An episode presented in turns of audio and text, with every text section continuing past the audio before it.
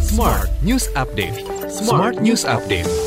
Saya William Darmawan dalam Smart News Update hari ini Rabu 19 Oktober 2022. Smart listeners, Presiden Joko Widodo dan Presiden Federasi Sepak Bola Internasional atau FIFA, Gianni Infantino sepakat untuk melakukan transformasi sepak bola Indonesia secara menyeluruh setelah terjadinya tragedi Kanjuruhan yang menewaskan 133 orang.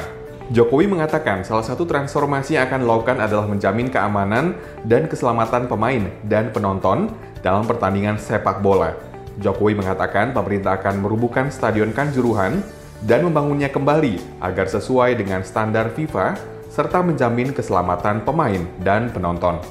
Berita selanjutnya, Kementerian Pariwisata dan Ekonomi Kreatif akan memfasilitasi 800 pelaku pariwisata dan ekonomi kreatif di seluruh Indonesia untuk mendapatkan sertifikasi standar nasional Indonesia CHSE sepanjang 2022. Menteri Sandiaga berharap melalui program sertifikasi CHSE ini, para pelaku dapat memberikan keyakinan lebih terkait produk pelayanan pariwisata Indonesia sudah memenuhi gold standard, sehingga semakin meningkatkan kepercayaan wisatawan domestik maupun internasional.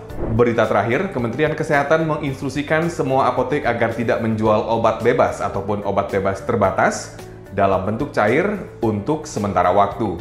Instruksi ini menyusul merebaknya kasus gangguan ginjal akut misterius atau gangguan ginjal akut progresif atipikal yang menyerang anak-anak, umumnya balita.